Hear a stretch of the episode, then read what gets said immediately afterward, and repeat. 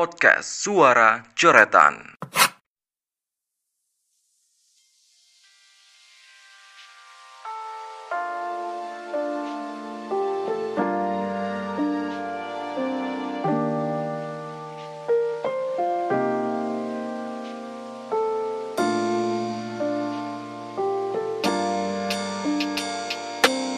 Halo, selamat datang di podcast Suara Coretan.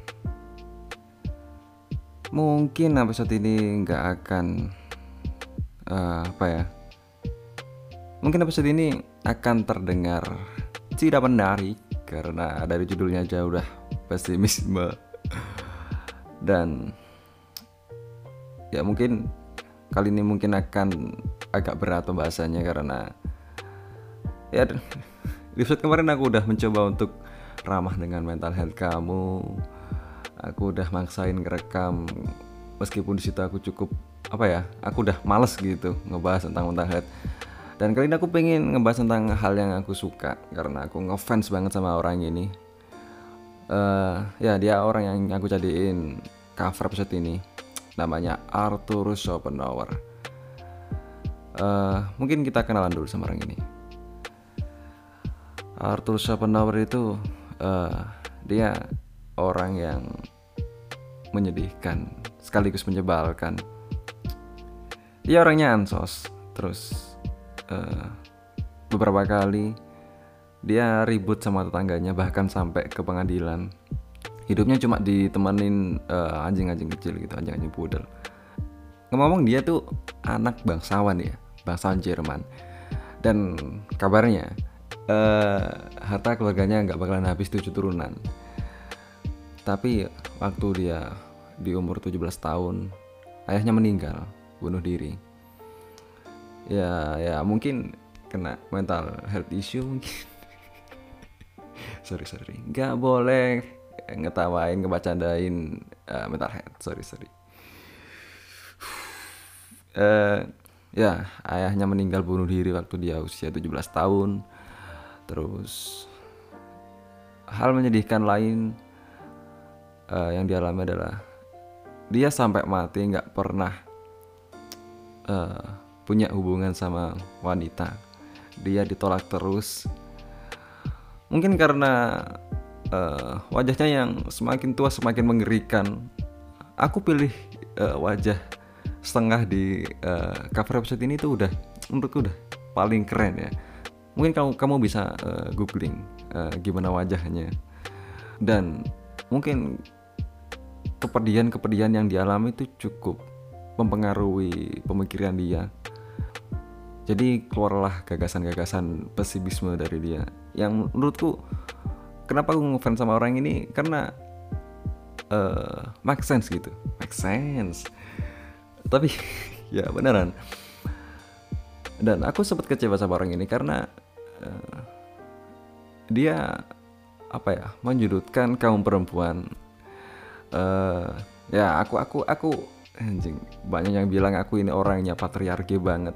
Tapi di sini aku menyayangkan loh. Eh kenapa orang yang aku apa ya yang aku kagumi bisa menyudutkan perempuan dengan alasan yang menurutku masih ya kurang kurang kurang logis lah. Oke.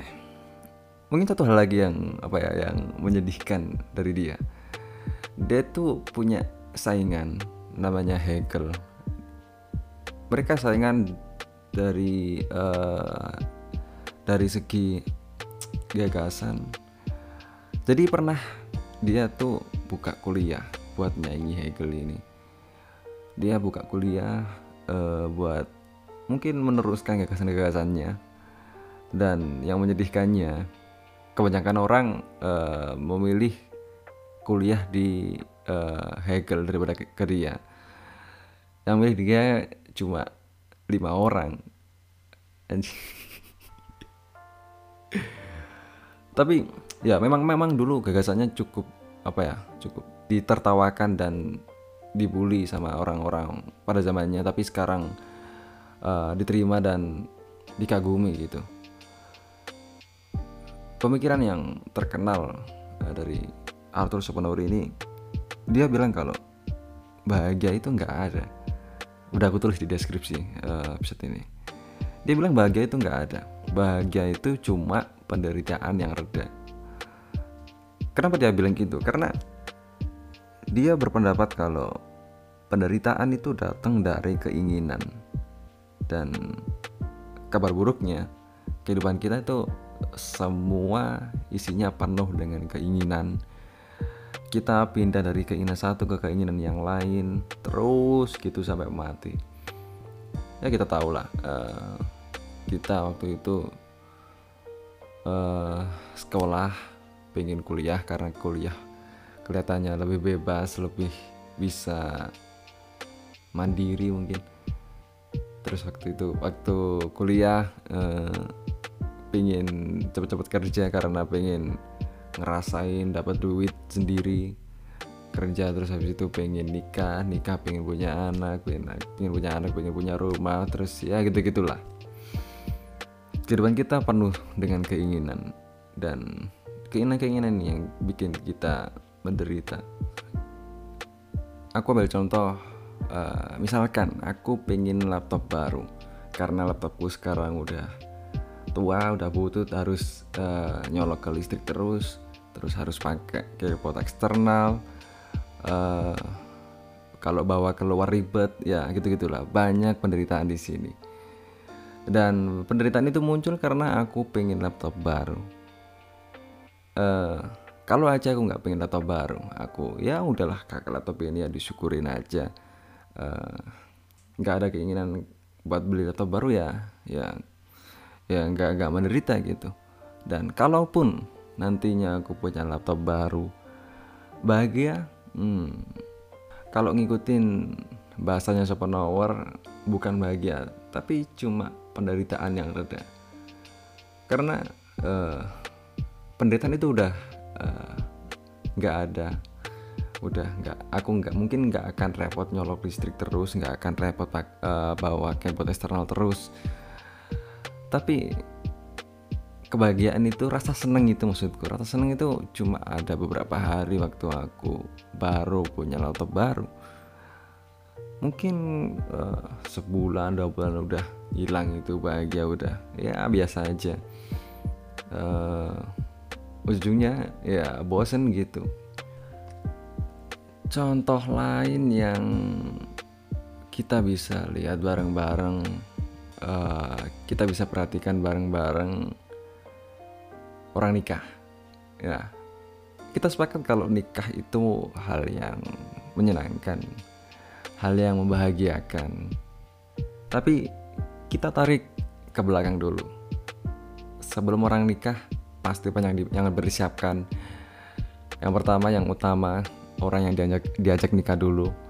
Uh, ada enggak? Harus nyari dulu harus ya gitu gitulah kalau kalaupun udah ada harus uh, ada yang dipersiapkan lagi harus nyocokin keluarga harus nyari dana nyiapin dana harus nyari gedung ya banyak lah. Dan itu penderitaan gitu. Karena banyak yang dikorbankan. Terus waktu akad nikah. Waktu akad nikah itu kalau menurut teorinya Schopenhauer itu tuh cuma penderitaan yang reda. Ya oke okay lah semua orang merasakan senang bahkan sampai nangis-nangis bahagia. Tapi kenapa Schopenhauer bilangnya cuma penderitaan yang reda? Karena habis itu ya bukan bahagia lagi habis itu ya menderita lagi. Karena uh, setiap hari kan orang yang habis nikah itu matanya terus berbinar terus uh, berbunga-bunga sama pasangannya ya aku nggak aku belum nikah tapi aku sampai sekarang belum belum nemuin orang yang setiap hari, setiap pagi, setiap waktu matanya berbinar setiap melihat pasangannya. Bahkan ada penderitaan baru lagi, pengen punya anak, uh, susah punya anak, menderita lagi, udah punya anak, menderita lagi karena harus uh, nyiapin dana pendidikan, harus didiknya gimana, parentingnya gimana, ribet lah. Uh, jadi hidup kita tuh cuma uh, berpindah dari satu keinginan ke keinginan yang lain gitu. Dan kita nggak bisa keluar dari situ. Pengen nggak punya keinginan pun itu keinginan. Ya kan uh, atau mungkin orang putus asa. Orang putus asa pengen bunuh diri. Pengen bunuh diri itu pun keinginan karena dia pengen mati. Dan ya semua semua semua itu penuh dengan keinginan gitu. Tapi Schopenhauer punya alternatif untuk mengatasi penderitaan-penderitaan ini? Ya minimal mengurangi penderitaan-penderitaan ini. Yang pertama uh, dia punya alternatif. Kita bisa menyalurkan penderitaan ini lewat seni.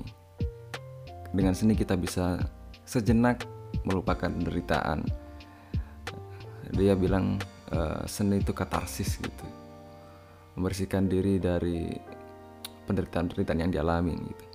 Dan aku lebih suka seni yang bersifat katarsis karena ya ya itu tadi uh, seni lebih apa ya lebih derajatnya lebih tinggi ketika uh, dia menyalurkan penderitaan gitu. Bukan bukan lebih besar pesannya. Adriano Colby pernah bilang kalau seni itu nilainya harus lebih tinggi dari pesan yang dibawa. Dan yang menyedihkan kali ini menurutku era kali ini seni itu udah aduh aduh harus lebih besar pesannya dan seni kalau tanpa pesan ya ya nggak ada nggak ada nggak ada maknanya juga. Uh, kalau di sastra uh, karya sastra yang eh, nggak uh, ada nggak ada amanatnya nggak ada pesannya ya sulit diakuin banyak orang gitu. Adriano Colby bilang uh, salah satu contoh seni yang pesannya lebih tinggi dari uh, nilai seninya sendiri tuh uh, lagu 2019 ganti presiden. Itu pesannya lebih tinggi dari uh, uh, dari seninya sendiri gitu. Dan itu tuh lagu jelek gitu. Uh, anjing itu contohnya bagus banget 2019 ganti presiden. Oke okay, terus Cara untuk mengatasi penderitaan menurut Schopenhauer yang kedua adalah lewat jalur etis. Maksudnya mengurangi penderitaan orang lain, membantu orang lain, berbuat baik ke orang lain. Karena di situ kalau kita ngebantu orang lain, ngebuat orang lain sedikit lebih lega, kita ikut ngerasain uh, apa ya kelegaan itu gitu. Mungkin contohnya yang gampang ditemuin kalau kamu uh, ngingetin standar motor orang yang turun itu kan kamu ngerasa aduh lega gitu. Padahal itu cuma hal kecil gitu. Jadi uh, meringankan penderitaan orang lain uh, bisa dibilang sama kayak meringankan penderitaan diri sendiri gitu. Terus jalur yang ketiga yang terakhir untuk meringankan penderitaan adalah lewat jalur asketis. Artinya tidak punya keinginan dan menurutku ini yang paling berat karena tadi aku bilang kalau tidak punya keinginan itu merupakan sebuah keinginan. Karena uh, kalau kita nggak pengen ya udah nggak pengen aja gitu nggak usah eh, nggak uh, usah harus pingin gitu. Gimana ya bahasanya? Mungkin kalau bahasa Islaminya kita harus melepaskan dunia kita harus uzlah. Aduh. Uh, tapi aku pernah aku pernah mencoba untuk tidak punya keinginan tidak punya cita-cita tidak punya harapan. Dan rasanya kosong gitu. Mungkin aku belum siap ya untuk bisa uh, pasrah ngalir aja gitu. Mungkin aku malah malah nggak nggak ke mana-mana aku malah nggak ada progres. Uh, mungkin untuk tidak punya keinginan itu ada fase tersendiri. Mungkin tidak punya keinginan ini uh, ditujukan untuk orang-orang yang udah berjuang gitu udah mati-matian dan nggak dapat hasilnya udah ya udah kamu udah di titik terakhir titik maksimalmu. Ya jadi itu eh, cara-cara mengatasi penderitaan menurut Arthur Schopenhauer. Eh, oke udah 15 menit Eh, sebenarnya aku pengen ngelanjutin tentang gimana pendapat dia tentang perempuan. Eh, dia kan aku tadi udah bilang kalau dia eh, sering ditolak perempuan terus itu yang mempengaruhi dia punya pemikiran-pemikiran tajam ke perempuan. Dan aku yakin pasti feminis feminis bakalan tersinggung sama pendapat-pendapat eh, Schopenhauer tapi ya udah udah cukup lah ya. Eh lagi pula episode ini tidak menarik. Mungkin aku akan tutup dengan satu quote dari Arthur Schopenhauer. Dia bilang kalau tidak ada mawar yang tanpa duri tapi banyak duri yang tanpa mawar. Anjing. oke itu aja seperti biasa kalau udah kamu kalau udah kamu kalau kamu udah dengerin sampai akhir aku ucapin terima kasih